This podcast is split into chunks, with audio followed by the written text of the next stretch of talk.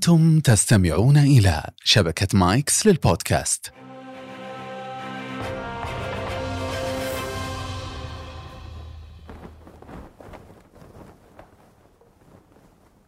أسعد الله أوقاتكم كل خير في حلقة جديدة من بودكاست على بياض. ضيفنا اليوم آه، حقيقة أنا في طول فترة الإعداد وبحث عن مقدمة لضيفي آه، ما لقيت مقدمة. تليق بالدكتور رجل الأعمال آه، متعدد المواهب آه، رجل بدأ ملعبه آه، في مجال الأغذية وكان خط هجومه هو الجودة وخط دفاعه كان آه، عملائه وبدأ آه، في صناعة فريق آه، سنابل السلام آه، من حي السلام. رحبوا معي بضيفي وضيفكم الدكتور صالح الفرحان. أبو ناصر مرحبا بك. الله يسلمك وأنا سعيد جدا في هذا اللقاء. اقدم لكم شكرا جزيلا على استضافتكم ونامل أن نقدم آه، ما ما ينال إعجاب المستمعين. ما شاء الله تبارك الله. بالعكس أنا اليوم آه، شغوف جدا بهاللقاء وأنا اللي أشكرك صراحة أنك أنك قبلت هالدعوة. آه، ودنا بتعريف بسيط من هو الدكتور صالح الفرحان؟ اولا آه، الدكتور صالح الفرحان أنا طبعا آه، مواليد 1383 هجرية ولدت في قرية صغيرة في المنطقة الجنوبية. آه، أكملت دراستي الثانوية في آه، الثانوية الأولى بأبها والتحقت بكلية الملك فهد الأمنية عام 1400 هجرية واستمريت الحمد لله كنت أثناء آه، دراستي بالكلية كنت حاصل على المركز الأول في السنوات الأولى والثانية والثالثة واللي بفضل الله سبحانه وتعالى تم تعييني كمعيد أو محاضر في كلية الملك فهد الأمنية آه، اللي ما قصرت معانا في إعادة آه، تأهيلنا والعمل على رفع مستوانا العلمي حتى حصلنا على درجة الدكتوراه وفي كلية الملك فهد الأمنية.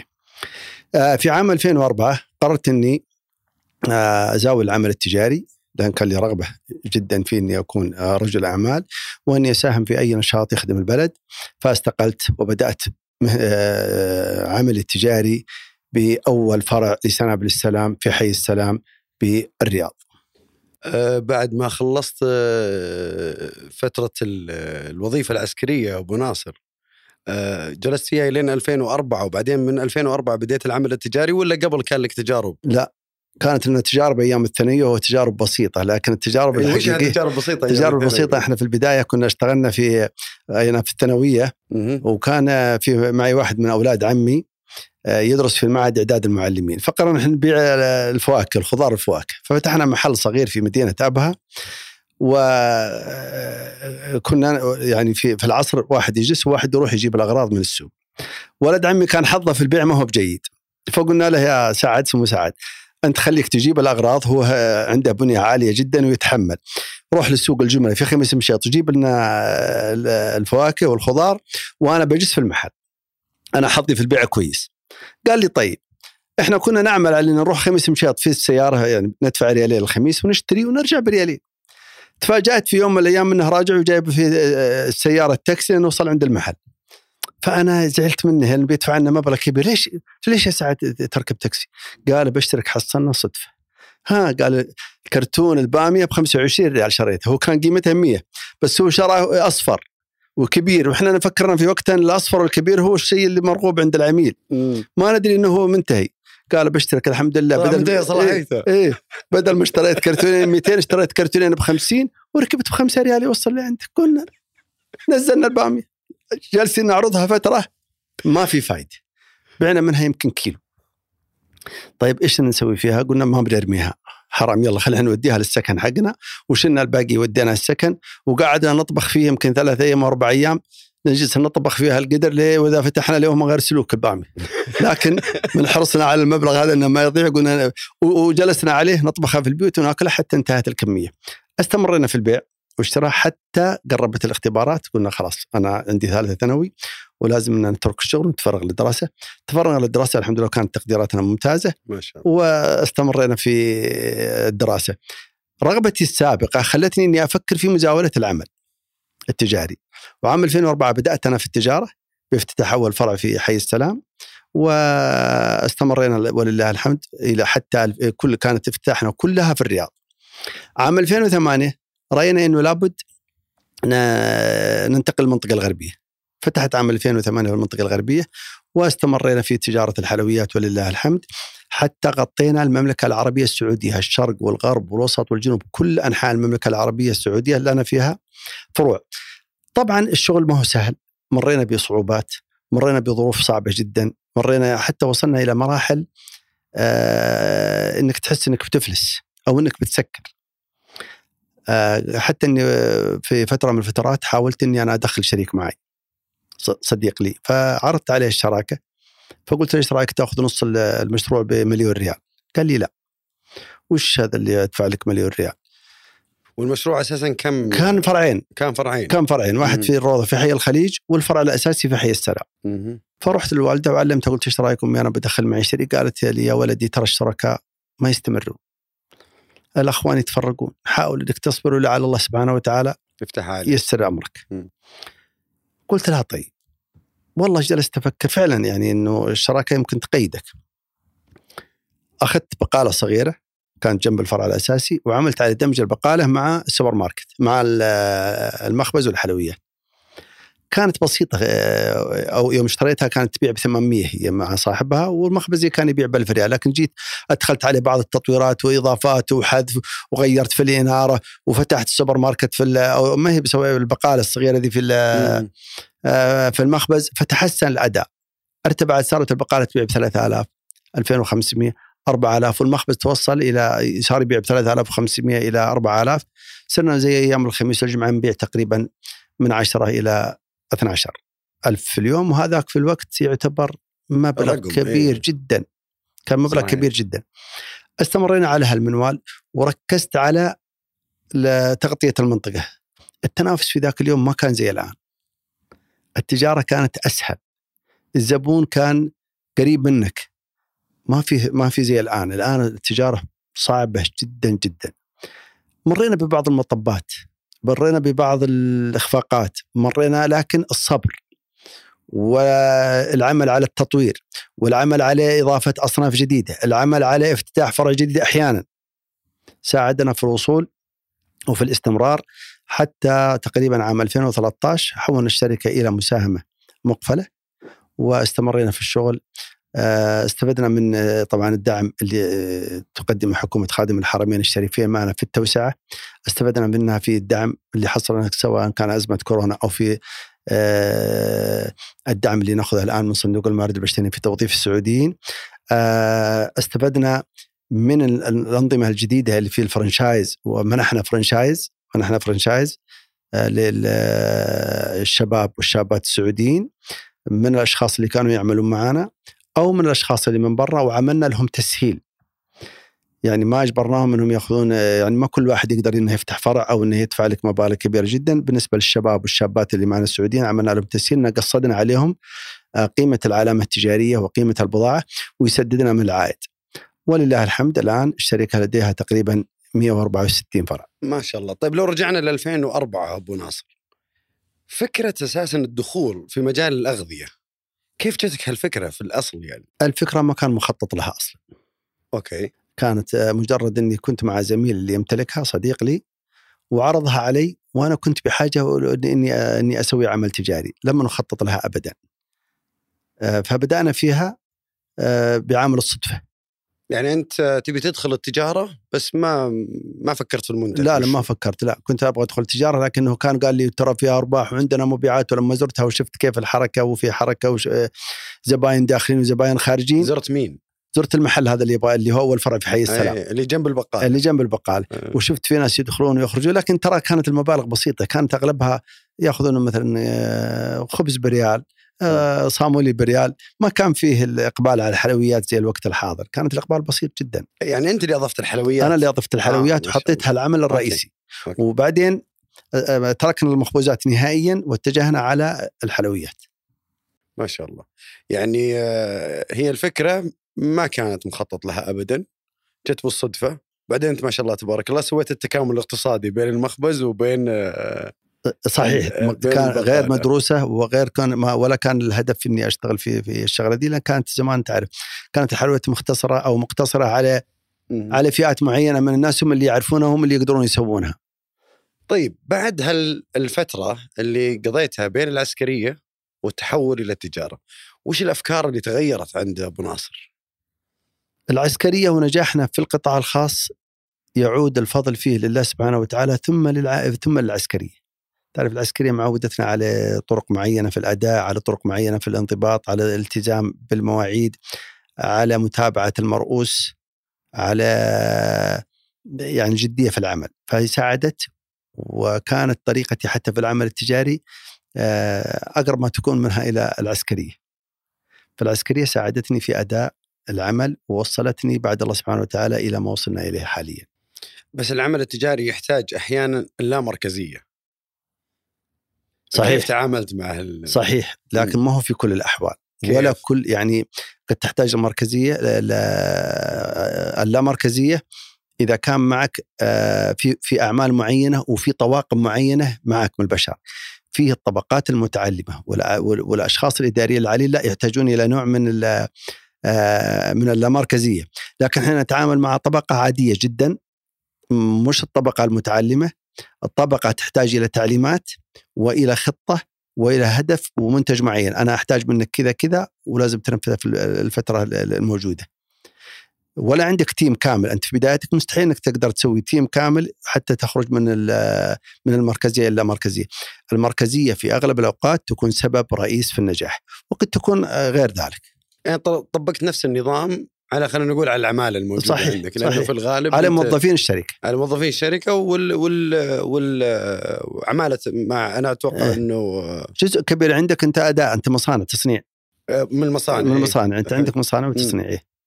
طيب كلمنا شوي أبو أبو ناصر عن هالتجربة اللي آه، لو لو طلب منك تلخيصها وش ممكن آه، تقول لنا؟ أبى أقول لكم أن الدخول في التجارة والمغامرة بالعمل الوظيفي آه، صعب جدا.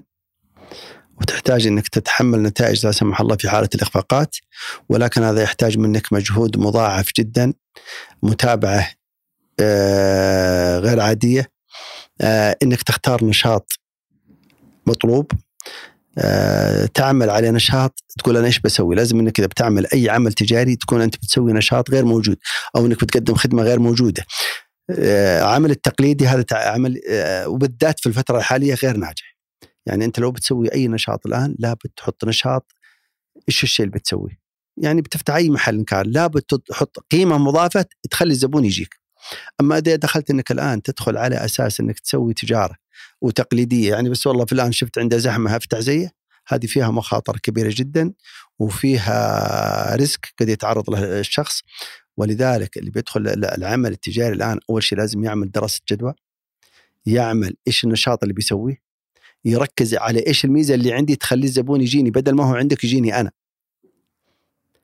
تعمل على دراسة جدوى لإنه وتعمل على مراعاة الزمان والمكان. ما يصلح أمس قد لا يصلح اليوم.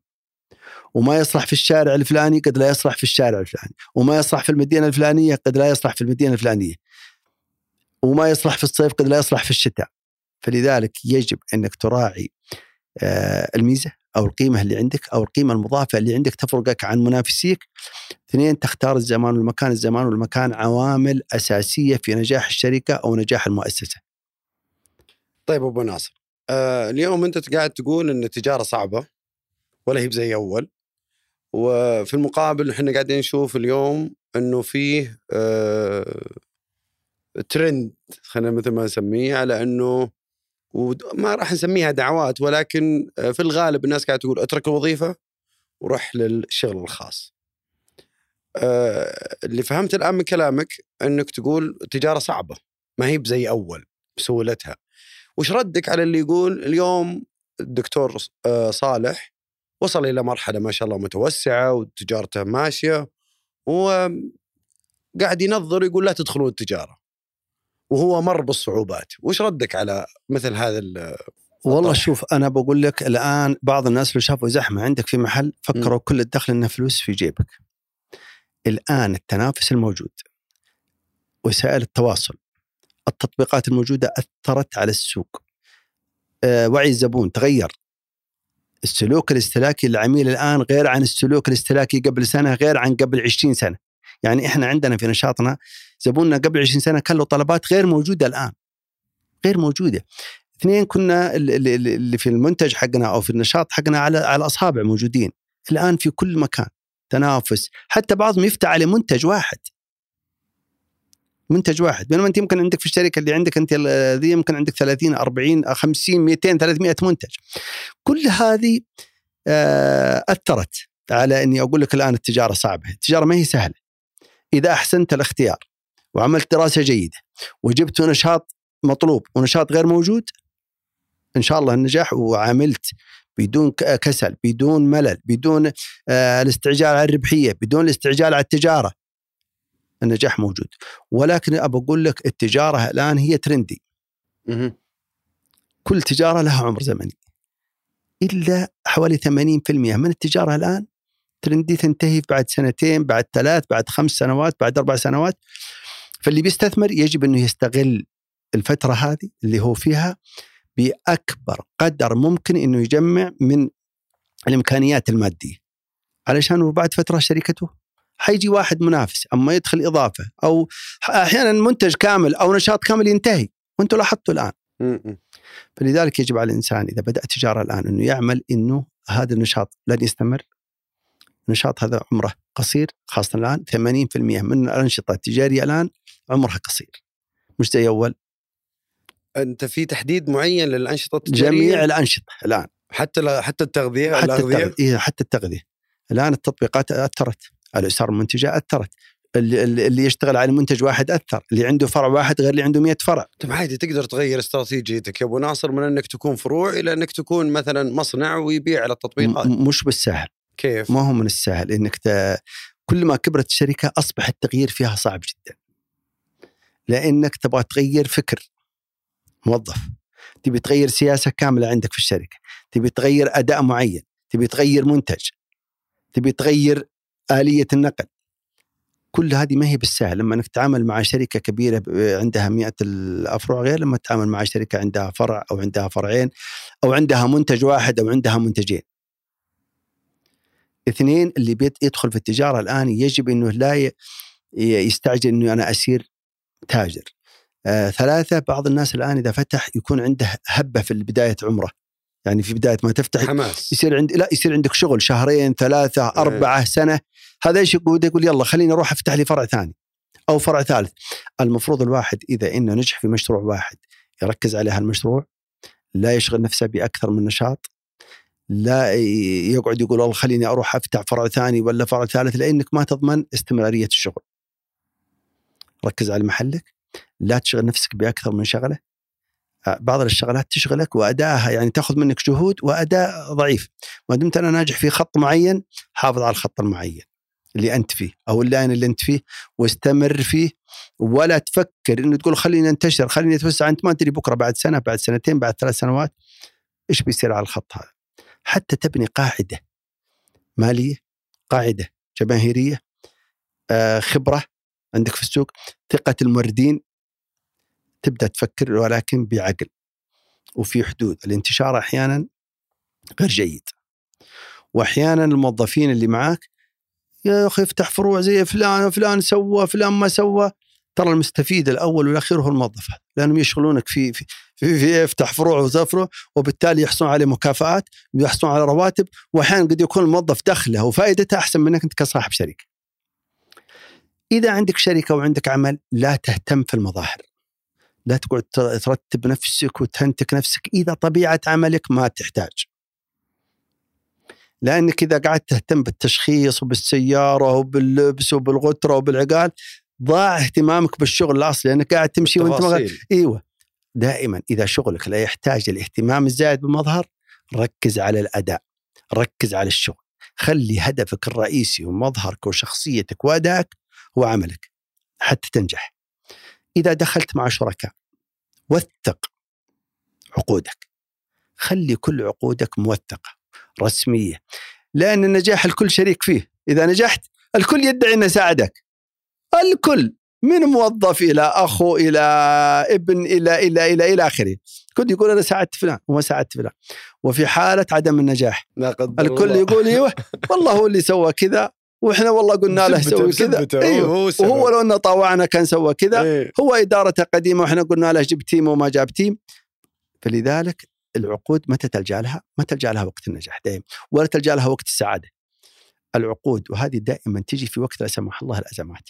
فكل ما كان عملك موثق ومكتوب وواضحة مهام وواجبات وصلاحيات وحقوق كل ما حافظت على شريكك اللي كان معك ايا كان صلة القرابة وكل ما أبعد الشيطان منكم لأن كل شيء مكتوب لكن لما يكون ما هو مكتوب يبدأ يدخل كل إنسان إبليس ويبدأ كل واحد يدعي إني أنا الأفضل أنا اللي سويت أنا اللي فعلت فتوثيق العقود وحوكمة الشركة أو المؤسسة اللي أنت بتسويها شرط أساسي ومهم جدا لنجاحك واستمرارك. أبو ناصر هذا يقودني أو وأنت ما شاء الله تبارك الله تتكلم جاء في بالي كيف تقدر آه، تميز بين أنه شركائك أو حتى أنت عندك طموح في التوسع لزيادة الدخل أو آه، لزيادة الدخل والنجاح أو إن هذا طمع. كيف تقدر تميز بين بين هال هال آه، هالنقطتين اللي بينهم شعرة؟ الطموح نوعين والسن له دخل في الطموح. السنة اللي هو العمر العمر. أوكي المراحل الأولى طموحك يكون هو الحصول على المادة بأكبر قدر ممكن. هذه في البداية هذه في بدايتك وانت شاب تصل لمرحلة النضج ونقدر نقول مرحلة الاكتفاء. يعني صار وضعك المادي كويس وكل اللي تحتاجه جنبك تبدأ تشتغل اسمه ما هو هو طمع. الخوف من النزول. المحافظة على ما وصلت إليه. آه. وليس طمع أنت لما بتشوف الآن بعض التجار يشتغل ترى مش عشان يزيد فلوس لا. اللي بتشوفه يشتغل الآن يبغى يحافظ على المكان اللي وصل له. اللي وصل له. ما يبغى ينزل. لكن بداية الواحد وهو شاب ترى ما عنده ال- الفكرة إنه يحافظ على لا ابدا كيف يجيب فلوس كيف يصير تاجر كيف يقولوا لفلان كيف كيف كيف. وهذا طبيعي لأن الشباب والعمر والسن عامل رئيسي ودافع لك ولا عندك مسؤوليات ولا تعرف إيش اللي بيصير بكرة. لكن بعد ما تصل لمرحلة معينة ومستوى معين من العيشة من ال- القيمة الاجتماعية من وضعك الاجتماعي تبدأ تقول لا خليني أشتغل عشان أحافظ. أنا ما هدفي إني أزيد. هل قلق المكانه ذا اللي يشغل كثير من من الناس من رجال الأعمال. هذا وش الحل معه ما له؟ حل. ما له حل إلا بطريقة واحدة. اللي هي؟ القناعة والرضا.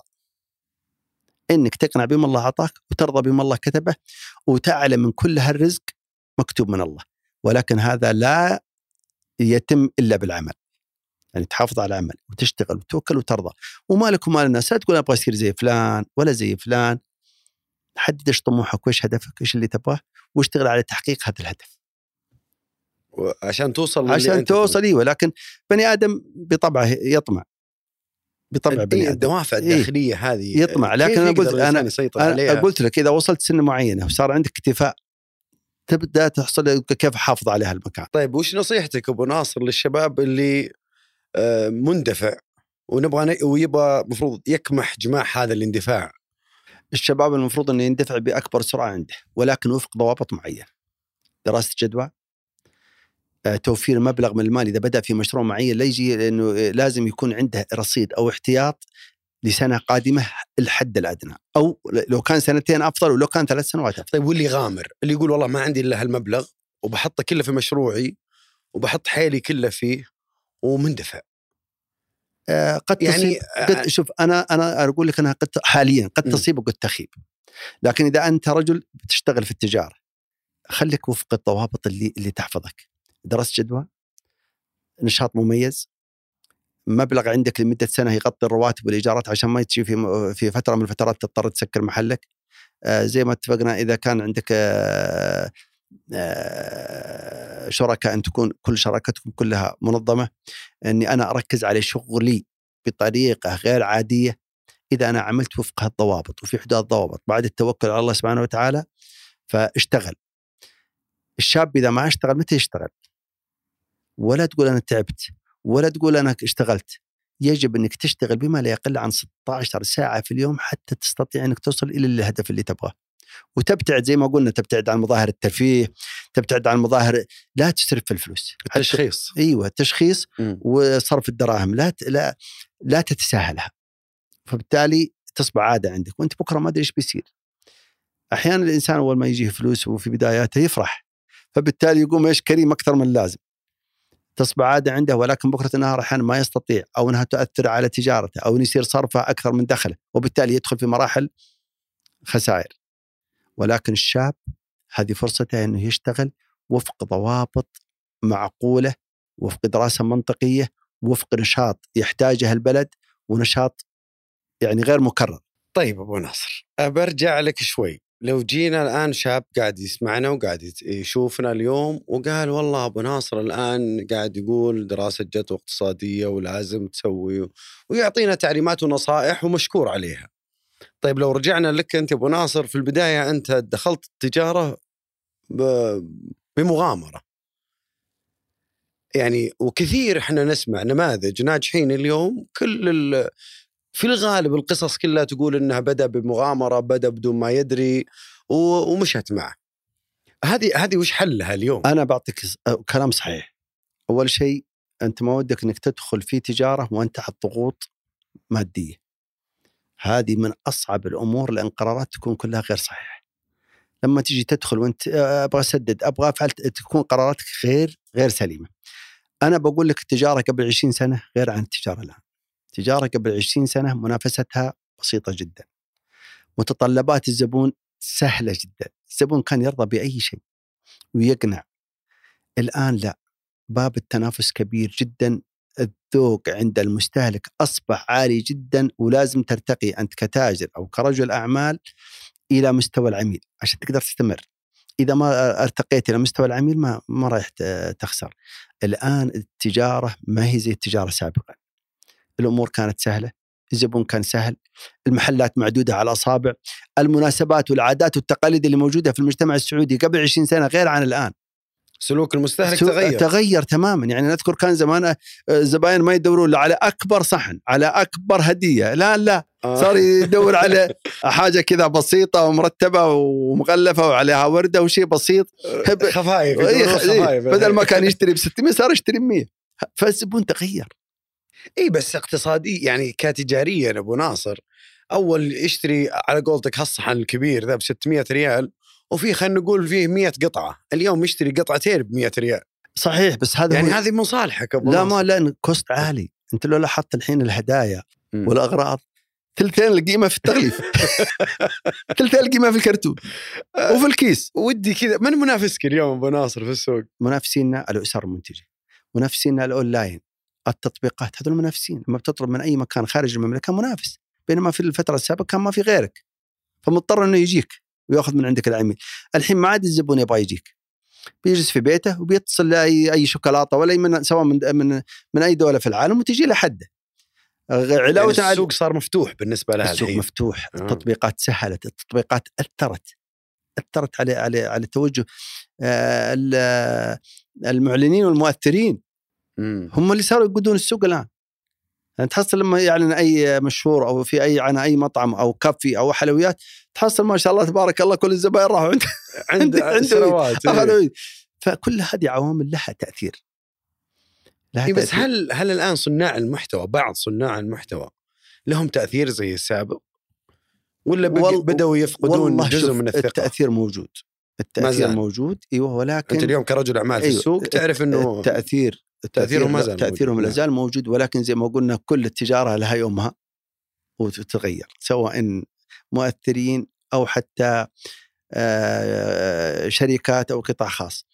آه، أي شركة أنا اشوفها زي زي البشر لها عمر وتصل لمرحلة النضج وبعدها تبدأ في النزول. في النزول. طيب آه، وبعض الشركات العالمية لما تيجي تلاقي شركة لها 300 سنة في السوق شركة لها 150 سنة في السوق.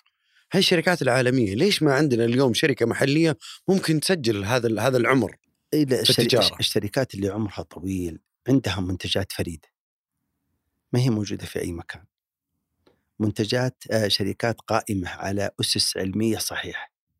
ولذلك وش يمنع؟ إحنا عندنا أبو ناصر إنه ما يصير عندنا نوع هذه. الأسس نوع العلميه الصحيحه في النشاط التجارة. نوع النشاط اللي عندهم عالي جدا. يعني بتتكلم عن شركة سيارات أو شركة أدوية أو شركة منتجات غذائية معروفة كبيرة جدا تعرف السوق. آه، اثنين انهم عملوا على التطوير. الشركات محوكمة. شركات غير فردية. شركة يعني- تقوم على أسس علمية صحيحة مبنية. وعندنا مثلا في المملكة شركات قائمة على أساس وقديمة جدا. لكن تغير السلوك الاستهلاكي اللي هي خلينا نتكلم عن بيع وشراء وخلينا نتكلم عن آه، المنتجات الغذائية والعطور والتجميل والملابس اتركنا عن قطاع الأراضي وغيرها هذه ما لها دخل. ممتاز. نتكلم عن الشيء المتغير. عندنا نماذج إيه. شركات سعودية يعني أنا اليوم لو جلست أنا وياك نعدهم يمكن ما يجون ثلاث أربع شركات. صحيح. يعني حتى ما يكملون آه، عدد اليد الواحدة. أنا أنا هنا سؤالي إنه ليش اليوم ما عندنا شركة سعودية لها باع طويل في التجارة. آه، هل هل المشكلة هي اللي زي ما ذكرناها في البداية هي المركزية؟ المشكلة هي اولا الشركات عندنا في السابق كانت تعتمد على أفراد وعلى أشخاص بنوا شركة أو مؤسسة ودائما المؤسس صعب عليه يتنازل عن الإدارة أو يسلم الشركة لأشخاص ما هو بالسهل حتى لو يسلمها يكون يسلمها يعني ارتباط عاطفي بينه ارتباط وبين عاطفي نعم. بينه وبين نعم الشركة؟ شخص يحب شركته يمكن أحب شيء في الدنيا هي شركته. طيب إذا أنت تحب شركتك إيه. أنت ودك شركتك شركتك برضو تتطور إيوه بس أحيان- وتكبر قدام عينك مثل ولدك. تجيك حب الملكية. إنك تبغى نرجع لموضوع الطمع يا أيوة. ابو ناصر مرة لا لا ثانية. حب ال- البرستيج إنك تقول والله أنا يبغى لي إذا دخلت يقول طيب هذا وش الحل أبو. ناصر إذا إحنا بنروح ال- الحل ال- الصحيح. للش- للشباب الصغار قلنا لهم لا تس- لا الحل الصحيح. إن الشركة جينا للكبار قلنا لهم الحل الصحيح إن كل واحد يتنازل بعد فترة معينة ويسلم الشركة مم. للي بعده سواء كانوا من أبناء يعني لازم تكون ثقافة أيوه لازم سواء للأبناء أو لادارها خارجه عن الأبناء وعن الملاك الأساسيين اللي هم الجيل الأول أو الجيل الثاني أو الجيل الثالث. هذا السبب الرئيسي اللي بيساهم في بقاء الشركة. إحنا شركاتنا الآن يعني عمرها كم من 100 سنة تعتمد كلها على شركات عائلية تقوم على شخص واحد أو شخصين ويستمرون مساكين في الكفاح وفي النضال لين يكدون. لين يطيحون ولا تطيح الشركة ولا يطيحون مع بعض. طيب معناته هذا سلوك مجتمع يعني ثقافة مجتمع في التجارة صحيح لكن سلوكنا الآن شبابنا وسلوك المجتمع السعودي الآن غير عن السابق. انت بتتكلم عن التجار الآن من اللي أعمارهم مثلا من 40 وتحت لا فكرهم يختلف. يعني أبنائي الآن دائما يقولوا لي لازم team لازم team كل ما حطيتهم في مكان قالوا لازم team لازم يكون معي فريق. يمكن أنا ماني مقتنع بفكرتهم كنت تكون فكرتهم صح. لكن الآن الشباب تغيروا صاروا يسوون team يسوون شركة يهتمون في اللوجو يهتمون في ولاء العميل يهتمون في أشياء كثيرة إحنا في السابق ما كنا نهتم فيها. واللي قبلنا برضو ما كانوا يهتمون فيها. وباب التنافس كان محصور فبالتالي الزبون جايك جايك. يعني الزبون أول مساكين. إيه، يجيك ما- ما ما, ما, ما إلا- في البلد إلا إيه، الولد ما في ما في هالبلد إلا الولد إيه. اليوم لا عنده خيارات اليوم كثير. عنده خيار طيب اليوم انت أنت فاهم إنه هذا صار متطلب. فإنك تقدر تتقاعد يا أبو ناصر وتريح وتترك الفريق يشتغل. آه، هذا المفروض إن نسوي كذا وأنا والله إني أعمل على على هالأساس. المفروض إنه ما هم هم الآن المفروض إني من قبل عشر سنوات. لأن العشر سنوات اللي راحت ترى تغير آه، سلوك المستهلك بشكل مخيف كبير. جدا. آه، يعني زي مثلا أبنائي وبناتي عندهم أفكار ما هي موجودة عندي. طبعا هم لانهم عايشين في هالمجتمع. وطلباتهم من هالمجتمع. فالمفروض إني أنا من عشر سنوات إني أنا آه، تركت الإدارة للجيل الجديد وللشباب الجدد حتى يستطيعون يواكبوا الأحداث الموجودة. يقولون من شرد وعود ما كنا شرد الحين لو طيب الآن هل عندك معايير معينة أبو ناصر أنت حاطها لقائد المرحلة القادمة لسنابل السلام مثلا؟ لو لو أخذنا سنابل السلام كنموذج. إيه طبعا. أنا عندي آه، اشترا يعني معايير كبيرة جدا أنا أفضل أن يكون الرئيس التنفيذي للشركة بعيد عن العائلة وبعيد عن الملاك. هذا. شرط أساسي. اثنين يكون عنده خبرة في نفس القطاع الخاص. طيب قبل ما نرجع للنقطة الثانية ليش ليش يكون بعيد عن العائلة آه، يكون بعيد عن الملكية. قراراته آه، ما فيها عاطفة. وما فيها مجاملة من الآخرين أحيانا مصلحة. تتكلم. أحيانا الموظفين لما نقول لهم يمين وهو خطأ يقولون صح يمين لكن يمكن آه، يجاملونك لكن يمكن لو إنه موظف آه، قد ما يجاملونه هو بيحذر قراراتك أنت كمالك سهل إنك ترجع فيها. وبعدين الناس يجاملوك لأنك مالك. إي والله كويس بس إن الظروف ما ساعدتك. وهو قرار خاطئ من عندك. معناته أنت توظيفك كان خاطئ. الناس تجاملك يا أبو ناصر. أيوه. آه، هذا طبيعي. شوف. حتى لو كان توظيفك ما توظيفك. إذا إنك بتحط هيكلة مضبوطة تحط رئيس تنفيذي متمكن فاهم؟ متعلم عنده القدرة على إدارة الشركة وتكوين فريق هو لازم يكون فريق اللي هم الرؤوس مم. ولازم تعطيه الصلاحية في ذلك. وتتحمل النتائج. ترى اللي بيجيك اليوم آه رئيس تنفيذي مستحيل ينجح من أول سنة. الحين يحقق لك إخفاقات. سنة سنة ونص. لكن بعدين يرجع ينهض ويطلع بشركة أفضل من أول. لأنه أكيد حيغير موظفين حيضيف موظفين حيغير سياسة حيغير نظام حيغير منتج. كل هذه ترى لها حتى لو كانت الأفضل الزبون ترى الآن تعود على شيء معين حتى لو غيرت الأفضل ترى أحيانا يحن ذاك يقول والله كان طعمه أفضل كان. مم. شكله أفضل فأي مثلا بتحط رئيس تنفيذي يكون آه، شروط القيادة فيه الأمانة العلم مواكبة التطور الخبرة في وسائل التواصل الاجتماعي في استخدام التقنية بشكل كبير جدا لديه م- معرفة والمام بالمنتجات لديه معرفة وإلمام بالأمور المالية لأن إذا جاك الرئيس التنفيذي ما يحسب الأمور المالية للشركة، الشركة هي ربح وخساره. ويكون هدفه بس إنه يحط لها برستيج ويحط لها واجهة ويحط لها شغل ومنظم لكن ما في فائدة مالية. الرئيس التنفيذي يجب إنه يحسب حساب الربح، يحسب حساب الخسارة بالإضافة إلى تطوير الشركة وهيكلة الشركة وإيجاد البدائل. الملاك أحيانا يتعاطفون مع الشركة. ما يبغى يغير منتج. ما يبغى يغير موظف. تربطنا ببعض الموظفين علاقة شخصية. آه، كيف العلاقة وش الشخصية؟ حل هذه؟ يعني عايش معك 25 سنة وأنت وياه كل يوم وكل صبح في المصنع ولا في المكان ولا في المكتب وتشوفه بدأ معك وعمره 20 سنة وصار عمره الحين 45 سنة وتشوف شكله طلع فيه الشيب صحته تدهورت هذه أمور كلها كثيرة تصير بينك وبينه ترابط أنت صاحب قرار تمشي لكن الرئيس التنفيذي اللي من خارج ال- الملاك لا ما يقدر لأنه هو محاسب من مجلس الإدارة وبالتالي هو بيمشي النظام. على أي شخص؟ هذا اللي عليك تسويه واللي ما هو عليك؟ المعيار الثاني. فالمعيار الثاني إن يكون زي ما قلنا لك يكون عنده القدرة ال- في التعامل مع وسائل التواصل الاجتماعي، القدرة على التغيير. ما يكون عنده كاريزما أي- شخصية. لازم يكون له شخصية قيادية. عنده وش تعريف الشخصية القيادية عند أبو ناصر؟ هل لازم يصير إيه. قوي لا الشخصية ولا- القيادية هي إنه يستطيع أن يوظف زملائه والعاملين معه بحيث أن يقدمون له أفضل ما يمكن للوصول إلى نتائجه وأهدافه. القوة ما هي بالنجاح. قد أنا أعمل لك أجيك بقوة وشخصية لا الشخصية القيادية الشخصية اللي تعمل فريق ناجح ينجحه هو اولا الفريق الناجح ينجحك أول وبالتالي تنجح أنت والفريق وت- وتنجحون الملاك أو أصحاب الشركة. هذا الشخصية القيادية يعني عنده قدرة على اختيار على توظيف. البشرية على توظيف الآخرين. اي اي توظيف الآخرين، التوظيف الصحيح.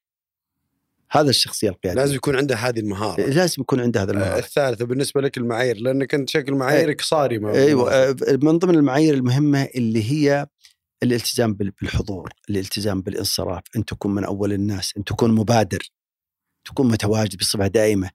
يعني لما يشوفك الموظف دائما أنت حيوي ونشيط وتجي في وقتك وتطلع في وقتك وتتابع معهم الصغيرة والكبيرة بل- هذا شرط أساسي يخلي كل العالم تركض معك. طيب آه اليوم أنت تقول لازم يكون منضبط يحضر بدري ويطلع بدري آه ويطلع في الوقت ويأدي وش رأيك في المدرسة اللي قاعدة تقول أهم شيء إنه ينتج مو بلازم يجي صحيح أنا مع هذا الفكرة. كيف إنه آه، ممكن ينتج وهو بعيد، طبعا القائد هو ما بيروح يكون ميدان يشتغل بيده ويحضر بيده، لكن إذا وظف كوادر يكون دوره هو تحليلي تقييمي.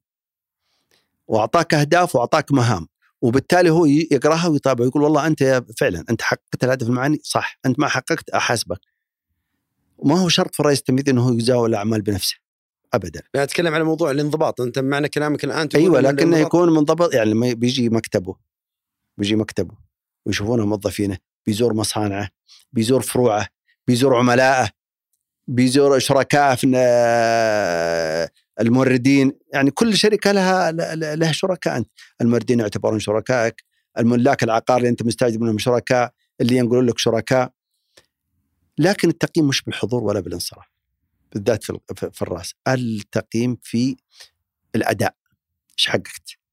ودائما الآن في القطاع الخاص هي أرقام. كنت تحضر من الصباح وتطلع نص الليل لكن ما في فايدة. العبرة دائما بالأداء وبالأرقام. في القطاع الخاص العبرة في الأرقام. النتائج. اي في الأرقام. إيش حققت إيه. أه والله فصلنا كثير في موضوع آه، يعني موضوع التجارة.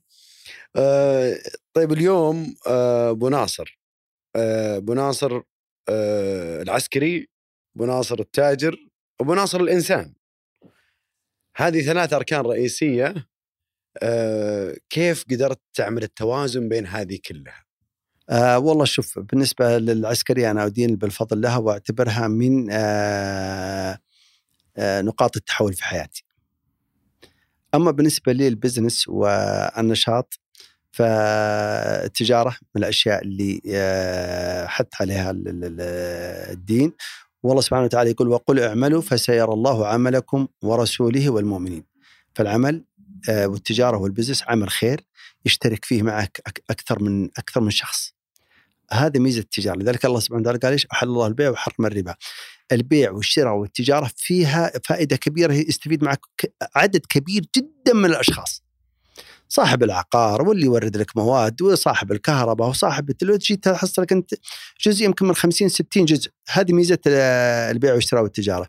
أما بالنسبة للإنسانية فإحنا ولله الحمد بصفتنا كمجتمع مسلم لنا صفات العاطفة والرحمة. وكوننا برضه مجتمع سعودي فينا صفة أيضا اللي هي الشيمة فينا صفة المروه فينا صفة العيب فينا صفة المساعدة فينا نختلف عن كل الناس. فإحنا ولله الحمد نطبق كل هالمعايير اللي هي معايير آه يمكن القيادة المركزية ومعايير إنك تحط آه شيء للتجارة آه تطبق عليها الشروط اللي يجب إنك أنت تسويها. وفي المعايير الإنسانية نعمل لكل شخص يعني مثلا عندنا في الشركة إحنا عندنا تقريبا آه، ولله الحمد آه، يعني يمكن أكثر من 100 شخص استقالوا من الشركة من جميع الجنسيات. خلال فترة الشركة كاملة. أيوة يعني لهم خدمات معنا من 20 إلى 25 سنة. يصرف لهم راتب شهريا على حسابي الشخصي بعيد عن الشركة حتى ما تصير على الشركة إلى اليوم؟ إلى اليوم. وإن شاء الله يستمر ما دمت. لأن هذولا آه، اشتغلوا معي وجلسنا أنا وياهم 25 سنة 20 سنة وإحنا في نفس المكان. الحياة أول كانت سهلة. ما كان عندنا مكاتب ما كان عندنا كنا نشتغل مكتبنا وحياتنا وإنتاجنا في مكان واحد. هذا لهم فضل بعد الله سبحانه وتعالى علينا ونعمل عندي قائمة ولله الحمد كل شهر تجي ومع صرف رواتب موظفين الشركة القائمين يصرف لهم رواتب. في الفلبين من حسابك الشخصي؟ من حسابي الشخصي. يعني بمثابة تقاعد لهم؟ بمثابة تقاعد في الفلبين من الهند من أي دولة. آه في دول العائله في دول العائله وشرط سواء معك. كان مسلم أو غير مسلم. نتعامل معه كإنسان وكبشر. فهذه من الجوانب الإنسانية اللي يمكن العمل التجاري كان سبب رئيسي في إنك تصل لها أو إنك تسويها. طيب والسعوديين اللي كانوا معك في البدايات؟ السعوديين بطبعهم آه غير إنهم يجيهم تقاعد من التأمينات وكذا. السعوديين بطبعهم آه متنقلين متحركين تعرف. آه الشخص الوحيد. قاعد معك 25 سنة قطعت. إلا في واحد عندي قاعد إلى الآن 25 سنة. وتربطني به علاقه آه، غير عادية لدرجة إنه كل جمعة أيوه. بيرسل قصيدة أو شيء وموجودة عندي. وتربطنا بعلاقة غير عادية. يعني وأصبح واحد منا وفينا. يرسل قصيدة غني كل جمعة. لا لا ابدا. إحنا قلنا له إحنا وياك أنت قاعد سواها اسمه سليمان الحشا آه ما شاء الله. موجود. موجود سليمان. موجود. آه ما شاء الله. موجود معنا من 25 سنة. ما شاء الله. ومن الناس المميزين. ما شاء والناس اللي نغليهم ونحبهم هو نفس الشيء. ما شاء الله تبارك الله. طيب آه، لو اخترت لو اخترت أبو ناصر طريق آه، طريق ثاني لو رجع بك يعني لو لو رجع بك الزمن شوي لو استدركت من أمرك ما استدبرت هل بتمشي في نفس الطريق ولا ودك تروح كان ودك مكان ثاني أنت فيها الحين؟ لا أشوف آه، إن الشغل أو النشاط اللي دخلنا فيه مطلوب فيه تطوير. لا اتكلم على المستوى الشخصي أنت أبو ناصر. على المستوى الشخصي لا أنا عندي قناعة بما وصلت إليه صراحة.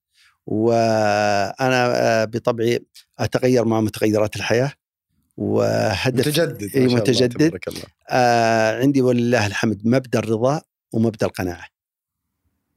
نرضى بما الله كتب ونقنع بما وصل إلينا بما بما جانا ولا عندنا الطمع اللي نصل إلى أي مستوى عالي. اللي إحنا فيه الله أعطانا أكثر مما نستحق ونحمد الله عليه لا اللي أنت فيه إيه. تستحقه و- ونطلب من الله سبحانه وتعالى إن لا يغير علينا ولا عليك إلا للأفضل والأحسن. آمين يا رب طيب أبو ناصر آه الشخصية آه الإنسانية نبيك تعطينا آه روتينك اليومي آه هذا رجل الأعمال وش الأشياء اللي ما يشوفونها الناس واليوم تبغى آه، تبغى نطلع أو تبغى آه، تقولها. ال- الأشياء ال- اللي تأثر على الإنسان في أدائه أو في نجاحاته. يعطيني بموظفين علاقة آه، مميزة وأنا دائما أنظر لهم يعني بمنظار خاص. إنهم عوامل نجاح. إنهم بعد الله سبحانه وتعالى السبب فيما وصلنا إليه. أي استغناء عن موظف والله إني أتردد كثير كثير كثير في فكرة الاستغناء عن الموظف. وإذا حصل واستغنينا تعرف ظروف التجارة هي في الأخير آه، ربح وخسارة. آه، دائما أسوي معهم صلح اتفاق.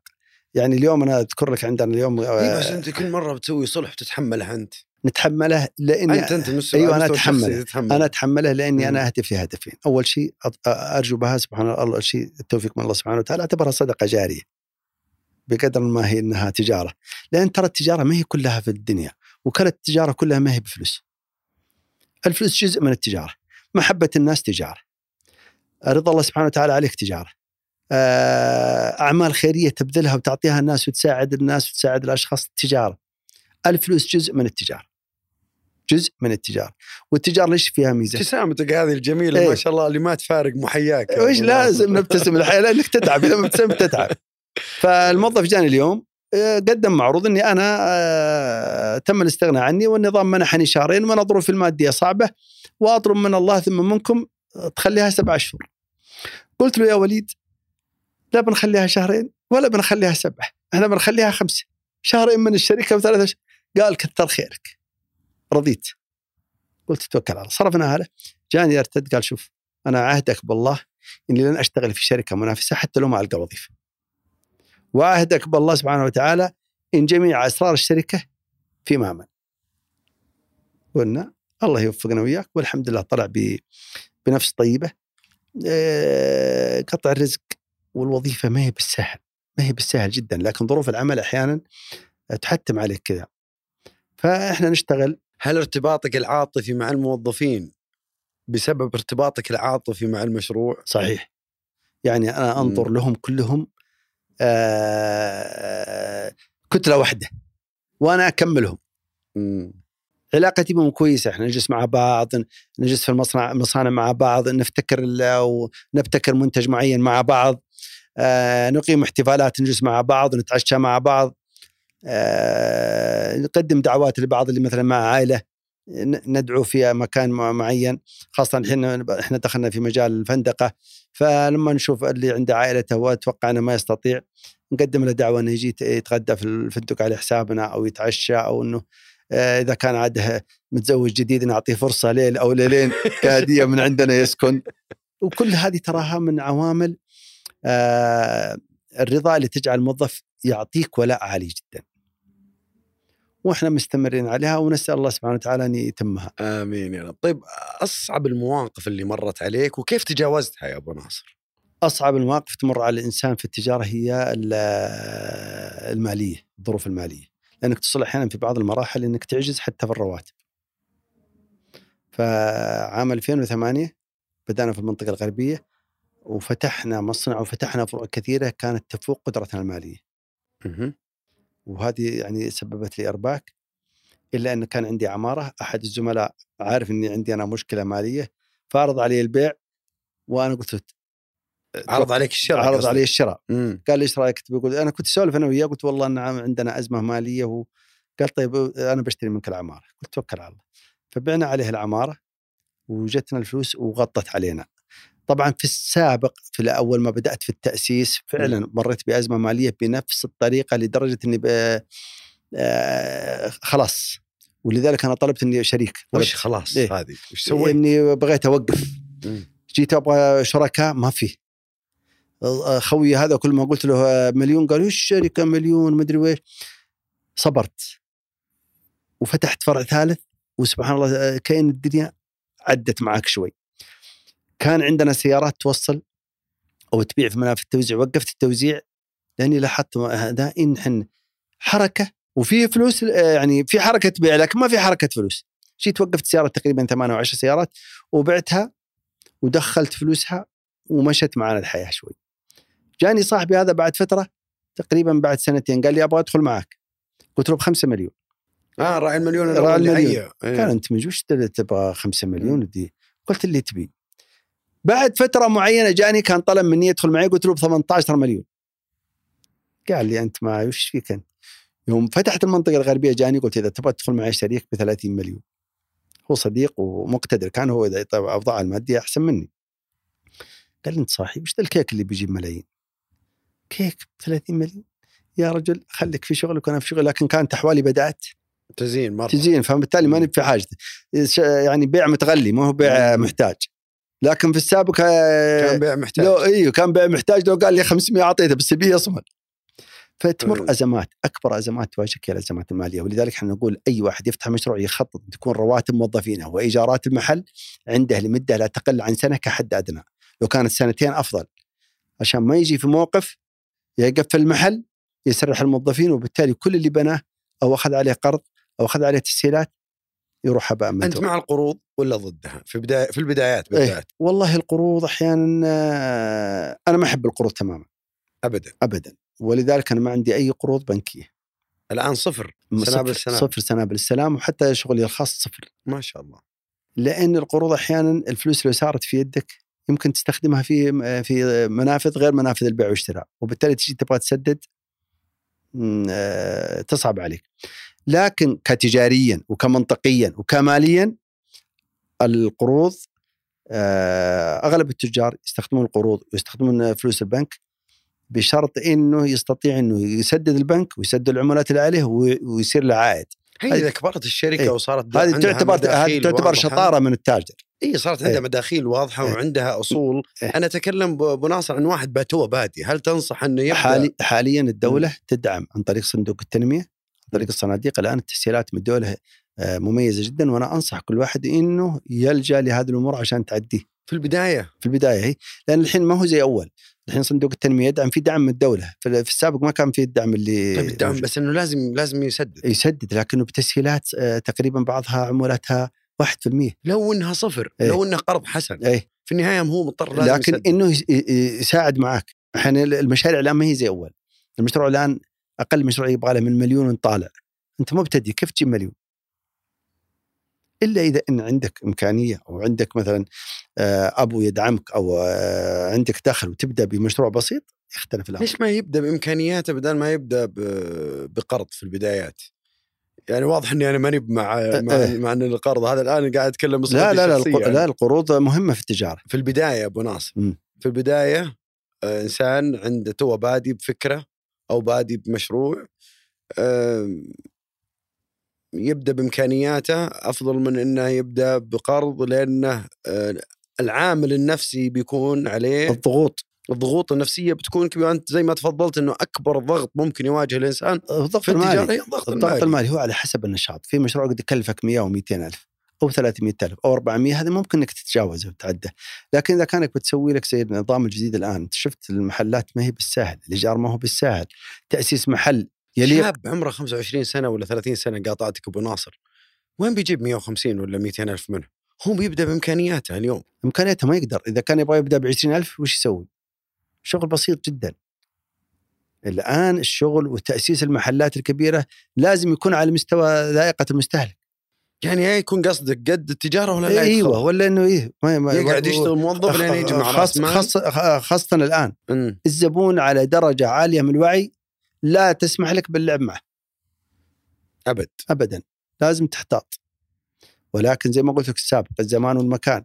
يعني ما يصلح في منطقة كذا يصلح في منطقة ثانية. إيه زي ما تفضلت إنه إيه. سلوك المستهلك اليوم مختلف ما اختلف تماما. الوضع. الاقتصادي. طيب وين اللي يجون أول؟ يقولون والله حنا بدينا من الصفر ت- صارت- حنا قبل أصعب من الحين. أنت تقول قبل أسهل من الآن. باب المنافسة كانت آه، بسيطة جدا. يعني أنت ما أنت مع من نظرية إنه اللي ينظرون إنه إنه أول كان أصعب. اولا شوف طيب لو أخذناها معليش لا. بعطيك أنا. مثل يمدح السوق من ربح فيه دائما بض- شكرا. خذ الكلام هذا وحطه معك.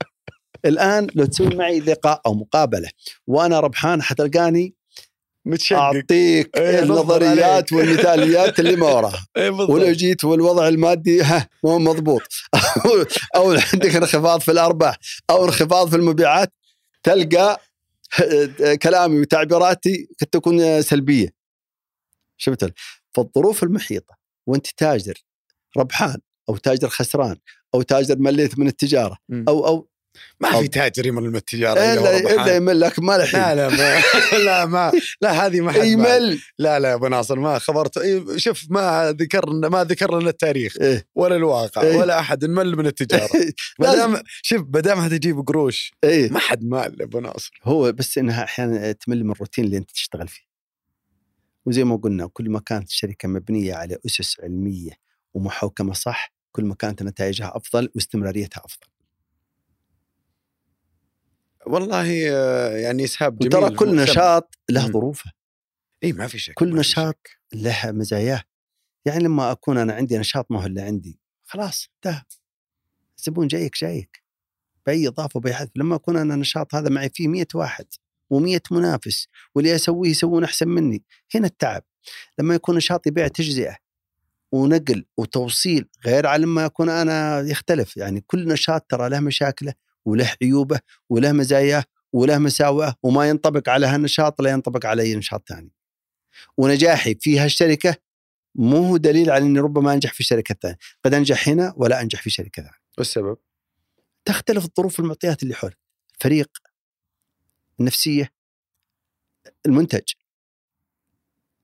المكان اللي أنت فيه الزمان اللي أنت فيه. هذه كلها عوامل تؤثر على النجاح وعدم النجاح. ملخص التجربة اللي مريت فيها هذه السنوات هذه كلها. لو قلنا لك لخصها لأنها في عشر دقائق ربع ساعة بين نصائح آه، بين آه، أشياء ممكن يستفيد منها كثير من الناس سواء في المجال العملي أو المجال التجاري. أنت ما شاء الله تبارك الله يعني جامع الثنتين. آه، أول شيء شوف من أهم أو من أهم أسباب النجاح سواء كان في القطاع الخاص أو القطاع العام هو الإخلاص في العمل. الاهتمام في العمل. المثابرة في الأداء الجيد والأداء المميز سواء كان في قطاع خاص أو قطاع عام. هذه من الأمور الأساسية اللي تساعدك على النجاح وتساعدك حتى على حب رئيسك لك لو ما كنت حتى لو ما هو يحبك. لكن عملك هو الأساس اللي بيوصلك. فنقول إنه أهم عامل في الشخص هو الإخلاص في العمل أداء العمل بما ينبغي وفق المعايير السليمة والعلمية سواء كان هنا أو يعني في نشاطه الخاص أو العام. اثنين أنه يعمل على قده. لا تدخل في مشاريع يعني أكبر منك ولا تستطيع تغوص في بحر ما عاد تقدر تطلع. تعمل مشروع اعمل مشروع على أهدافك وعلى قدك وعلى إمكانياتك المادية و- واختار المكان اللي يناسب نشاطك. سوي نشاط الناس تحتاجه. نشاط قريب. وثق كل ما يمكن توثيقه. رتب كل ما يمكن ترتيبه. آه، استغل أي تسهيلات موجودة لك الآن من من الدولة. الآن في تسهيلات كبيرة جدا ترى. الدولة تدعم في الموظفين تدعم في آه، يعني في دعم كبير جدا. استغل هذا الدعم لكن لن يتم الدعم ذا إلا إذا كانت أوراقك نظامية مرتبة. نظم شركتك من أول لحظة. التنظيم في البداية سهل. التنظيم بعدين صعب. صعب جدا. ويصير عندك مقاومة للتغيير. ومن اللي بيقاوم التغيير؟ موظفينك اللي معك لأن التغيير هذا حيؤثر عليهم وحيشيل بعضهم أو حيمنح بعض الصلاحيات من بعضهم أو يمنح بعض الب... يمنع بعض الب... المنافع اللي يستفيدون منها. إذا بديت ابدأ صح رتب صح خلي معك آه فريق كويس ولكن مش الفريق اللي تعجز عن أداء رواتب. تبدأ معك بواحد أو اثنين إيش أهم شيء مثلا عندك لما تبدأ في مشروع؟ عندك من أهم الأشياء في بداية المشروع المالية والبشرية الموارد البشرية هذه عنصرين يكون معك أشخاص يساعدونك في عمل نموذج جميل. آه المالية يع- يعطونك وش مصاريفك وش اللي عندك. ما هو شرط إنك تجيب محاسب عندك تجيب محاسب متعاون في المبدئية. بس خله ينورك. فين تتجه آه، صرف الفلوس؟ يقول لك لا هذا ما عندنا. لو سويت كذا حيصير عندك عجز في المال. ال- حق الموارد البشرية يجهز لك موظفينك يجهز لك النقاط اللي تجعل الدولة تساعدك وتدعمك يجهز لك الموظفين يحط الاشتراطات على الموظفين يعيد تدريبهم يعيد تأهيلهم يعيد تقييمهم. فإذا بديت صح في البداية الشركة تكبر معك وأنت تكبر. ومنظم. لكن لو جيت في الشركة وأنت واصل لآخر شيء كيف تقلب لك 500 أو 600 موظف وتعيد تأهيلهم وتعيد تدريبهم؟ هم تعودوا إنهم مثلا يمشون مع الدرج تقول لا إحنا لازم نمشيكم مع الاسانسير وأنت تبغى تريحهم. مم. لكن هذا تغيير بالنسبة لحياتهم. يقاومون التغيير. فتبدأ تصير المعضلة من الداخل. فتبدأ أيوه ومقاومة التغيير هذه هي أصعب شيء. مقاومة التغيير إنه يا إنه خايف إنه يتطور أو إنه لا يستطيع استخدام الأجهزة اللي توصله من التغيير أو إنه يخاف على مكانه أو آه، مكانه الوظيفي أو دخله المادي بعضهم يفكر إنه يستخدم التقنية الكمبيوتر إنه ما ما, ما, ما نحتاجه راح تستغني إيه عنه. راح يستغني عنه. آه أيضا ركز على عملك. الآن بعضهم الآن يجي يفتح مشروع ويروح يزيد يفتح له مشروع ثاني ولسه هذا مخك تشتت. ضع التركيز. ركز على هالعمل عطى أهمية ولا تقول تعبت. العمل يبغى له الحر بالذات. يبغى له نفس يبغى له جهد دبل يعني أنا لو تقول لي إيش العمل الحر أقول لك ما هو عمل حر هذا اسمه العمل المر لأنه يحتاج منك جهود غير عادية العمل العام أو القطاع الحكومي أنت ترى محاط بإطار معاملات معينة تنهيها وانتهى دوامك خلاص شكرا ونهاية الشهر تأخذ راتبك ويجيك راتبك. إيه. لكن أنت كتاجر الآن أنت تحت ال- تحت ضغط. ضغط الخسارة تحت ضغط إنك تقفل مشروعك تحت كل الضغوط. والموظف ما يهمه في الأخير إلا راتبه مهما كان. انت عندك رواتب عندك عندك راتب إيجارات. عندك كيان. مم. أنت تقول كيان. الكيان هذا ما أبغى يطيح. قد تصل في مرحلة من المراحل أحيانا تقول أبغى السلامة بس ما أبغى أربح ولا أبغى أخسر. حتى لو شركتك إيش تصل لمرحلة تقول يلا السلامه يعني طلع لك منافسين يمكن أدائك ما هو كويس يمكن يمكن. أسباب كثيرة. آه، جاء آه، تحول ال- ال- الحركة من عند فرعك أو محلك لمحل ثاني تحول السكان من المنطقة اللي انت فيها لمكان ثاني. تغيرت قصدك تغير إيه. أيوه الآن التركيبة السكانية التركيب في المكان السكاني اللي موجود يعني. تجي الحين آه، أحياء عندنا مثلا موجودة. تنقص كل يوم. وفي أحياء تزيد كل يوم. زي الأحياء القديمة تحصل كل يوم يطلع واحد يطلع على الأحياء القديمة الجديدة. فبالتالي ال- الشغل هنا بدأ إيش؟ ينقص. يخف شوي. والشغل هناك بدأ يزيد. فلذلك التركيز على العمل التركيز على التخصص لا تشغل نفسك بأكبر من حجمك. افصل بين عملك وبين حياتك الشخصية. إذا وصلت بيتك خلاص انتهى. أنا من الناس إذا وصلت بيتي مجرد أنا دخلت البيت أقفل الجوال. ولا أستقبل لا رسالة موجود ولا غير موجود. ولا شغلة ولا غيره. ولا شيء. ولا شغلة للصباح إذا آه، طلعت وشغلت السيارة وقلت بسم الله الرحمن الرحيم فتحت الواتساب بشوف إيش فيه ونبدأ نتعامل معه. إذا جيت بيتي خلاص قفل. لأن لو خليت الجوال هذا هذا البرنامج هذا الروتين من زمان ولا من جديد؟ زمان. مم. لكن تعرف وسائل الجوالات ما جت إلا من قريب يمكن إيه. من, من 20 سنة. لا يوم تبدأ وهي أي- موجوده أيوة. الجوالات. تقريبا. 2004 أيوه فلذلك إن دخولك في البيت وتشيل هم العمل ومشاكل العمل في بيتك تعكس على أدائك مع عيالك وعلى نفسياتهم وعلى نفسياتك وأصبح العمل هذا بالنسبة لهم كابوس. وهم ترى ما يدرون ما يدرون إيش اللي عندك من ضغوط خارجية. لذلك إذا وصلت بيتك يعني أنا من الناس إذا وصلت بيتي أقفل جوالي وفي الليل أقفل جوالي نهائيا ولا أفتحه للصباح حتى لو لا سمح الله حصل أي شيء أنت إيش في إيدك تسوي آخر الليل؟ بعدين معك ناس تقوم بالمهمة وتقوم بالواجب بقدر ما يمكن ويجتهدون أحيانا بنفس قدرتك وبنفس اجتهادك إن لم يكن أحيانا قد يكون أكثر. أكثر من إن لم يكن أكثر. فتخلي مسألة لا يؤثر علاقتك في بيتك على عملك ولا يؤثر عملك على بيتك. من الأشياء المهمة أنت كراعي بزنس تحافظ على صحتك بممارسة الرياضة الابتعاد عن الأمور اللي تسيء للصحه آه، التزام في مواعيدك. آه، ما تنسى العمل. تبتعد عن الترفيه الزايد. الترفيه الزايد أحيانا ي... ما تسهر أنت ابو ناصر لا أنا الساعة ابدا. أنا الساعة 11 أكون في الفراش. نايم. نايم. وبعد صلاة الفجر ستة إن شاء الله يكون أنا صاحي أستعد إني ألبس وذي وأروح للنادي. وبعد النادي طبعا النادي بدري صباح إيه بدري. وبعدها طال عمرك ما خلص النادي على سبعة ونص ثمان أروح للشغل طيب واللي ما عنده نادي ما يقدر يشترك في النادي إيش يسوي؟ يروح يمشي. شفت لو إنك تمشي المولات ولله الحمد موجودة وحتى لو إنك في بيتك تقدر تمشي حتى لو كنت في غرفة مساحتها أربعة في أربعة.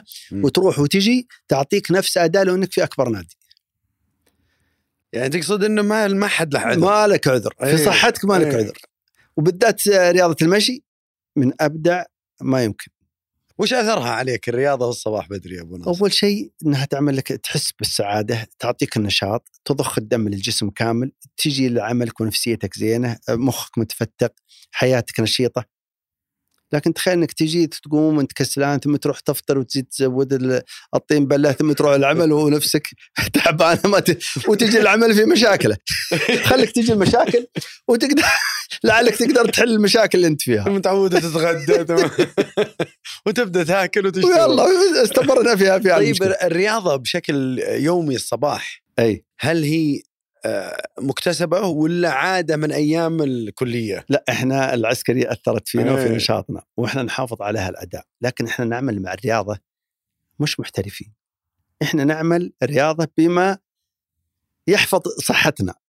يعني قصدك إن أول أنت كنت تسويها غصبا عليك. غصب عنك في لأنك في الميدان. إيه إيه. في الميدان. الآن لا. الآن اختلف أنت تعمل تعملها برغبتك ولكنك تعملها بطريقة مش طريقة محترفين تجهد نفسك أكثر من اللازم. أنت لازم تحافظ على ما بقي عندك من الصحة والنشاط وتسوي الرياضة بما يتفق مع الأشياء ذي لا لا ضرر ولا إضرار. لا تبالغ في الأداء. ولا تنام. هذا آه، جاء في بالي الحين وأنت تتكلم إنه الدافع مهم لعمل أي شيء. طبعا. الدافع أساس. الدافع اللي يوصلك للي تبغاه. الدافع هو من أساسات النجاح. كيف تكتشف دوافعك؟ حبك للشيء ونجاحك فيه. تحب التجارة؟ دافعك تجاره تصير تاجر تحصل لك من دفع بالله لحظه ابو ناصر إيه. في هالجزئية. إيه. الآن الناس كلها تحب التجارة. وشلون نعرف هذا شغوف ولا هذا دخيل على التجارة؟ وشلون أخلي ماني أنا أقول أحد أنا أقول أنا إيه. اليوم كيف كيف اعرف اني أنا دخيل على التجارة إيه. ولا شغوف في التجارة؟ وشلون أقدر أقيم هالمسألة؟ والله شوف كل تمنيه رجليه إنه سبوق هو ما درى. من في القوم طرادة يلحقونه هذه قاعد. كل, كل واحد منا يحس إنه الباشا. وانه اللي وش بيسوي. الحل؟ شفت؟ ولا لا. هو هي شوف إن الله يسرك ونجحت فالناس تمجدك وتقول هذا ما مثله وهذا ذكاء ما شاء الله عليه وما ذا سواه اللي ما سواه غير وان إن الدنيا تخربطت عليك؟ شفت ولا لا؟ قالوا والله يا ما نصحناه وترى هذا الرجال ما له دخل إلا في الوظيفة. عود على وظيفتك يا ليته قاعد على وظيفته وترك. الناس مع من زان جانبه. شفت؟ التجارة كلنا نطمح فيها. ولكن. أحيانا في معوقات ما تمكنني من التجارة. أما ظروفي الصحية أما ظروفي الاجتماعية. وترى المجتمع بصفة عامة ما كل واحد منا يصلح تاجر. ولا كل منا يصلح موظف. ليه الهبه اللي صايره اليوم؟ شباب ويبغون التجارة ولا التصوير الموجود الآن. يعني لما يجون يشوفون عندك عشرة زباين ويجوك يصورون ذا المحل فيه عشرة زباين ومدري ولا مليان وتشوف الطوابير تقول أنا وش ينقصنا عن فلان؟ وبالتالي تبدأ تفكر في النجم. في بعض الناس يفكر إن ال- إن الزحمة اللي عندك كلها فلوس تحطها في جيبك. وما أدري إن عندك رواتب عندك إيجارات عندك مواد خام عندك عندك عندك عندك. أحيانا تبيع ب 100 وتصرف 110 واحيانا تبيع ب 100 وتصرف 90 واحيانا تبيع ب 110 وتصرف 110 لكن ال- المشاهد واللي يشوف الشغل ويشوف الزحمة على المحلات ما يفكر خاصة اللي ما ما زاول التجارة. ما يفكر إلا أن كل الفلوس هذه تصب في جيب صاحب العمل. حتى لو جاك يبغى سلف من عندك وقلت له لا والله ما عندي يا أخي شوف هذا. وينتقدك ويلقى عليك اللوم ويمكن والله إن عنده من الفلوس أكثر ما في جيبك. لأنك أنت مرتبط بعقود مرتبط بعمل مرتبط بأداء مرتبط بموظفين. مرتبط بأشياء عندك التزامات عندك ثانية. التزامات ثانية الناس ما تدري عنها. ما تدري عنها. وبعضهم يقول يا أخي وين يحط الفلوس هذا؟ ان شاء الله تبارك الله يبيع له في اليوم بكذا كذا. لا. والله أحيانا مهما تبيع ما تصل آه، يمكن ما تغطي. أو يجيك مربح لا يذكر. وانت لازم تمشي السوق ما تقدر تحط أسعار خيالية بعد. إيه، عم- عملية تراكمية قصدك إنه حتى الأرباح ممكن تجي بالصبر وب يبغى لها صبر يبغى لها تحمل يوم من في الجمال ويوم في الجمال. ما ترى ما كلها لك الحياة. يوم تربح يوم يلا تقوم بحملك. هذا والله كلام مهم للشباب اللي توهم بادين يعني ترى ما كل الأمور ما كلها مربح. ما. كل التجارة فلوس. لو احتسبت بس الموظفين اللي يشتغلون معك وإنك تصرف عليهم على عوائلهم هذا الحالة مكسب. الحالة مكسب إنك عندك مثلا 100 موظف وكل موظف مثلا عنده خمسة من الأبناء والأهل وذي ويصرف ال 100 صاروا عندك 500 فإذا احتسبت هذه هذه من مزايا البيع أو التجارة أو اشتري إن هذول توظفوا ولك أجر إن شاء الله فيهم واحتسبت وحسنت موضعهم المادي. هذه ترى جزء من من مكتسبات التجارة. في كل فترة مريت فيها وش اللي غير في شخصيتك؟ آه السن يغير في الشخصية. مو بالتجارب. السن يغير. آه لأنك نظرتك في سن معينه للتجارب غير عن نظرتك في سن معينه يعني ما انظر لها اليوم قد آه، كانت نظرتي فيه يوم من الأيام خاطئة. يعني ممكن أنظر للشيء الآن بجانب إيجابي كان في السابق أنا أنظر له بجانب سلبي. آه الظروف المحيطة بك. التغيرات الموجودة التطور الموجود كل هذه عوامل تؤثر في اتخاذ القرار. نقول له والله أنا أتخذ هذا أو ما أتخذ هذا. البداية دائما دقها والحقها زي ما تيجي تيجي لكن في الاخير لا. تبدأ تحسب تبدأ تخاف تخاف على المكتسبات اللي حصلت عليها لا ت- لا تروح. لا- لا تفلسف. تلقاها. فالحياة والسن والتجارب والتطور الموجود والتغير الموجود يؤثر في القرارات. يعني خف الشيء اللي اكتسبته أنت خلال هالفترة إنه قراراتك خفت واجد. تخف واجد ولازم تماشى مع الطبيعة. اندفاعك. إي لا تخف مع الطبيعه يعني أنا يمكن أقول لك الآن أنا ما أستطيع إني أنا أسوي شيء يرضي الشباب الموجودين حاليا ببدا به من الصفر. ممكن في فترة من الفترات أقول إيوه أسوي. طيب ليش ما تسويه؟ اليوم أنت عندك رأس مال تقدر تسوي هذا المشروع تقدر تجيب شباب وتوظفهم رأس المال جبان اللي. قد جمعته ما تخاف إيه، تخاف يضيعونه. تعود إن نلحق بالمثل ذاك يا مدور الفوائد رأس مالك لا يضيع فلذلك دائما إذا كان عندك رأس مال إيه. ترى اللي عنده رأس مال والفلوس كذا موجودة ترى أخوف من اللي عاده مبتدئ المبتدئ ما هو خسران شيء. لكن عنده شيء إيه ما هو. خسران شيء. إيه. لكن أنت الآن جمعت الدراهم و... و... وتقول لي كيف أنا أسوي مشروع؟ إيه، يروح الأول والثالث. تحصل له طيب اللي خلاك يحرص. تجيبها أول يخليك تجيبها تالي والله ما اللي ما جابها في نطوحه ما. جابها والراس شايب. ما عاد فيك طارد مين ولا مين طيب هذاك ما شاء الله الآن يعني فاتح مشروع جديد للفنادق وب... يعني توجهت الآن للسياحة. إلى أن الاتجاه يعني الرؤية الموجودة عندنا تغيرت وإحنا لازم نتماشى مع الرؤية ونستفيد من الرؤية. يعني لو لاحظت إن الدعم في المجال السياحي الآن والفندقي من أكبر الدعم من الحكومة. مجال التصدير مدعوم مجال الصناعة مدعوم لكن إحنا عيبنا ان نقلد بعض بدون ما نضيف شيء. الآن ترى من أنجح التجاره التجارة الآن الصناعة والتصدير ومجال السياحة والفندقه هذا توجه. والدولة داعمة هالمجالات. المصانع ناجحة بكل ما تعنيه الكلمة. والمستقبل الصناعة. والآن الصناعة عندنا لو تلاحظ إن عندنا لو دخل واحد في فتح له أي مشروع يحصل إنه يعاني في أشياء كثيرة. يعاني في الكرتون يعاني في الكيس يعاني في آه، الصحن اللي بتحط فيه مثلا المنتج تعاني. فالمجال الآن اللي أشوفه إنه من المشاريع الناجحة الآن مجال التصنيع جميل جدا. آه وعندك السياحة والفندقة. الآن ما شاء الله تبارك الله عندنا إقبال عندنا انفتاح جميل عندنا إقامة معارض بشكل ملفت للنظر. يعني أنا معارض الرياض الآن ما شاء الله تبارك الله تنزل لوحة المعرض هذا وبكرة تركب لوحة تحصل إنه يجي عندنا في الشهر أربع معارض خمسة معارض في معارض الرياض غير عن واجهه الرياض غير عن المواقع ال- الأخرى. هذا شيء ما كان موجود سابقا. وبالتالي هنا عندك سياحة عندك زوار عندك آه، آه، ناس يجون من الخارج. نفرض عليهم ثقافتنا نفرض عليهم أدائنا نستفيد من أدائهم. التصدير الآن الدولة تساعد على التصدير وتعطي دعم على التصدير. طيب صلح شيء تقدر وش أهم. الفوائد؟ عفوا أبو ناصر. وش أهم الفوائد من إقامة مثل هذه المعارض؟ يعني لما تقول إنه تنزل لوحة وتركب لوحة إيه، تتكلم على معارض متعددة. هذه لها فوائد اقتصادية كبيرة جدا على البلد. مثل؟ اولا إحنا يشارك في المعارض من كل دول العالم. طيب هو ما حجز طيارة وجاك؟ ما سكن في فندق؟ ما أكل في مطعم؟ ما تعرف على ثقافتك؟ ما باع عليك أو اشترى منك؟ هذه كلها ما ركب في التاكسي من المطار اللي عندك؟ كل هذه تصب في الاقتصاد وفي السياحة وتعود علينا. إحنا في نشاط السياحي أو الفندقي عندنا شفنا. تحصل عندنا نسبة تشغيل عالية جدا بينما فترة من الفترات من كان يجيك. المعارض هذه من الأشياء الجميلة جميلة جدا. يعني زي أنا حضرت آخر معرض معرض المجوهرات في البوليفارد. كان من أجمل المعارض اللي أنا زرتها. وما شاء الله عارضين الشباب السعودي والشابات السعوديات اللي يستقبلون واللي يديرون المعارض من الأشياء الجميلة عندك من جميع أنحاء العالم من جميع أنحاء العالم مشاركين. هذول كلهم يستفيدون من البلد وإحنا نستفيد منهم وينقلون الصورة حسنة عنا.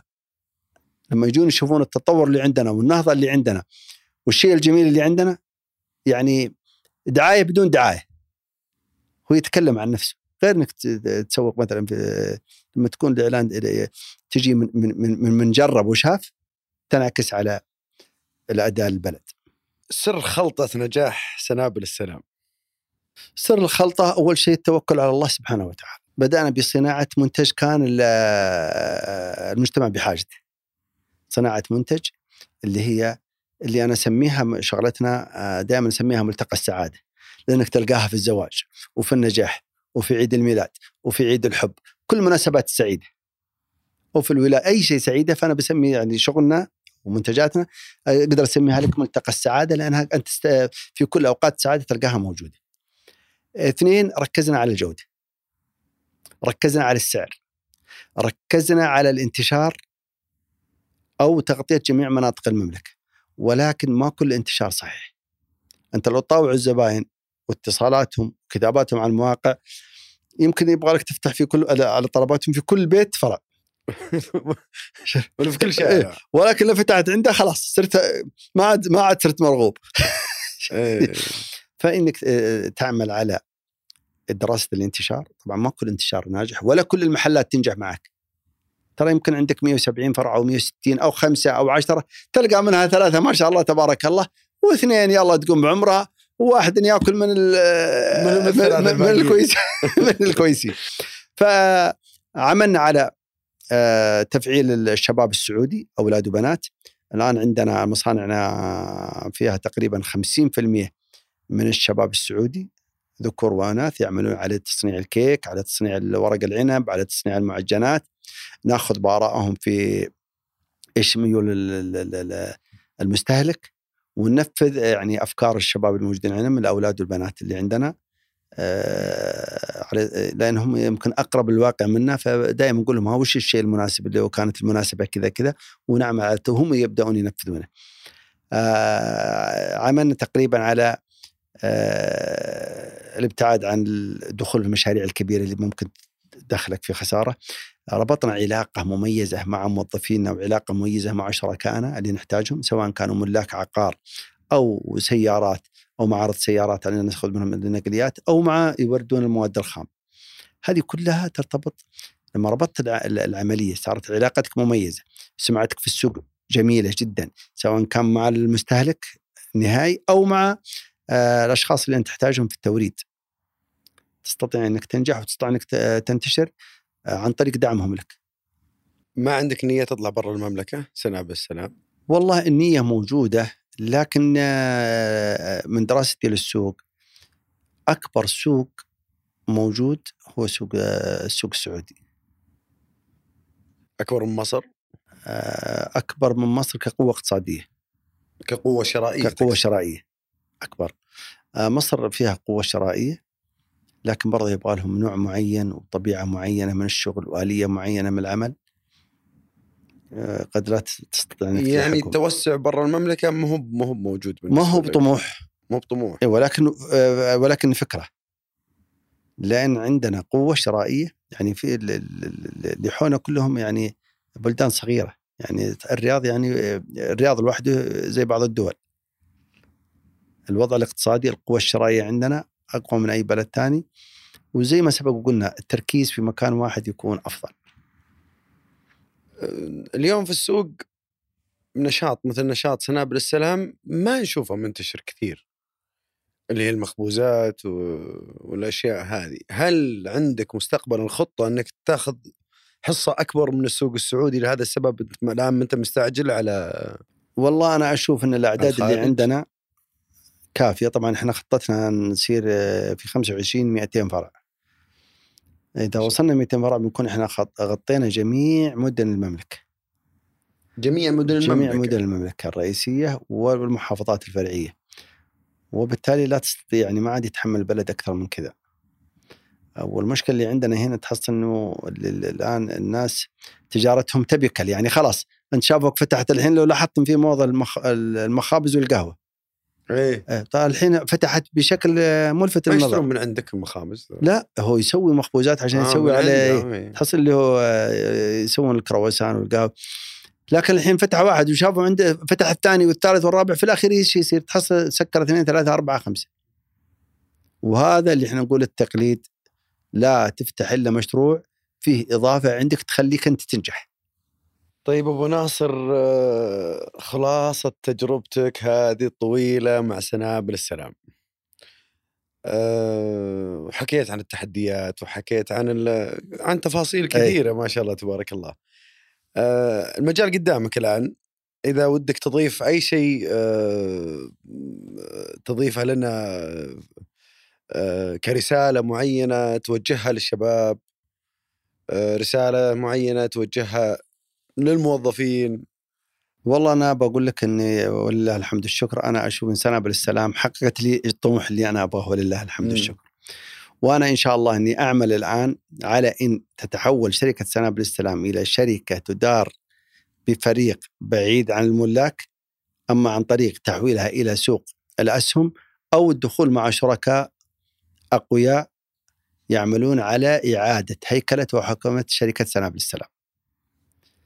آه، الرسائل اللي إحنا سبق وقلناها أو اللي آه، كررناها أكثر من مرة اللي هي إنك إذا فتحت مشروع افتح مشروع منافسته بسيطة وإذا آه، فتحت مشروع موجود قبلك خلي عندك ميزة أو إضافة تخلي الزبون يجيك. الوضع صعب يركز الإنسان على عمل والتركيز على العمل من أهم الأشياء ال- الضرورية. الاحتفاظ بالسرية أو بخصائص العمل مهمة. حتى لأقرب الناس. ترى كل عمل له سر. وبعض الأشخاص ما يتحداك أو ما يسعب في ذا إلا من أعطيته سر مهنتك. لأنه يشوف النقطة اللي عندك الإيجابية ويبدأ يأخذها. وبعدين بكرة حتى ما بيقول لك والله أنا استفدت من فلان. يا أخي ترى فلان والله يهديه ترى أهمل الرجال ما عاد درى فين وترك الشركة هو أصلا متعلم عندك. أو إنه أخذ السر المهنة من عندك. لابد يبقى عندك سر احتفظ فيه في شغلك الخاص لا يعلمه إلا من منفعته لك منفعتك ومضرته مضرتك. مهما كانت علاقتك بالأشخاص اللي برا. هذا لازم يكون داخل الشركة الأشخاص اللي يهمهم. يعني لأن ترى كل شغلة لها لها سر، لها مم. فكر، لها رؤية. احتفظ بهالرؤية ولا تعطيها كل شخص لأنه يم- يعمل يمكن ينافسك وبالتالي يدعي إنه هو أبو العريف وإنه هو اللي سوى ويمكن يلقي اللوم عليك. لا تغرب يقول لك والله ما قصر والله فلان. ساعدني؟ لا. كل هو أصلا أهمل يا رجال. ما عنده خبرة بس هي ال- ال- الظروف ساعدته. هو متعلم عندك. هو ماخذ ماخذ ما الخلطة أخذ منك. المهنة من هي أحيانا ما هي خلطة ترى عمل. خ- طريقة في أداء العمل. طريقة في اختيار موقع. طريقة في اختيار منتج. طريقة في اختيار منطقة. طريقة في التعامل مع العاملين. ما هي ترى كلها عشان الحين صار هذا ال- اليوتيوب تقول له سوي أي منتج أعطيك.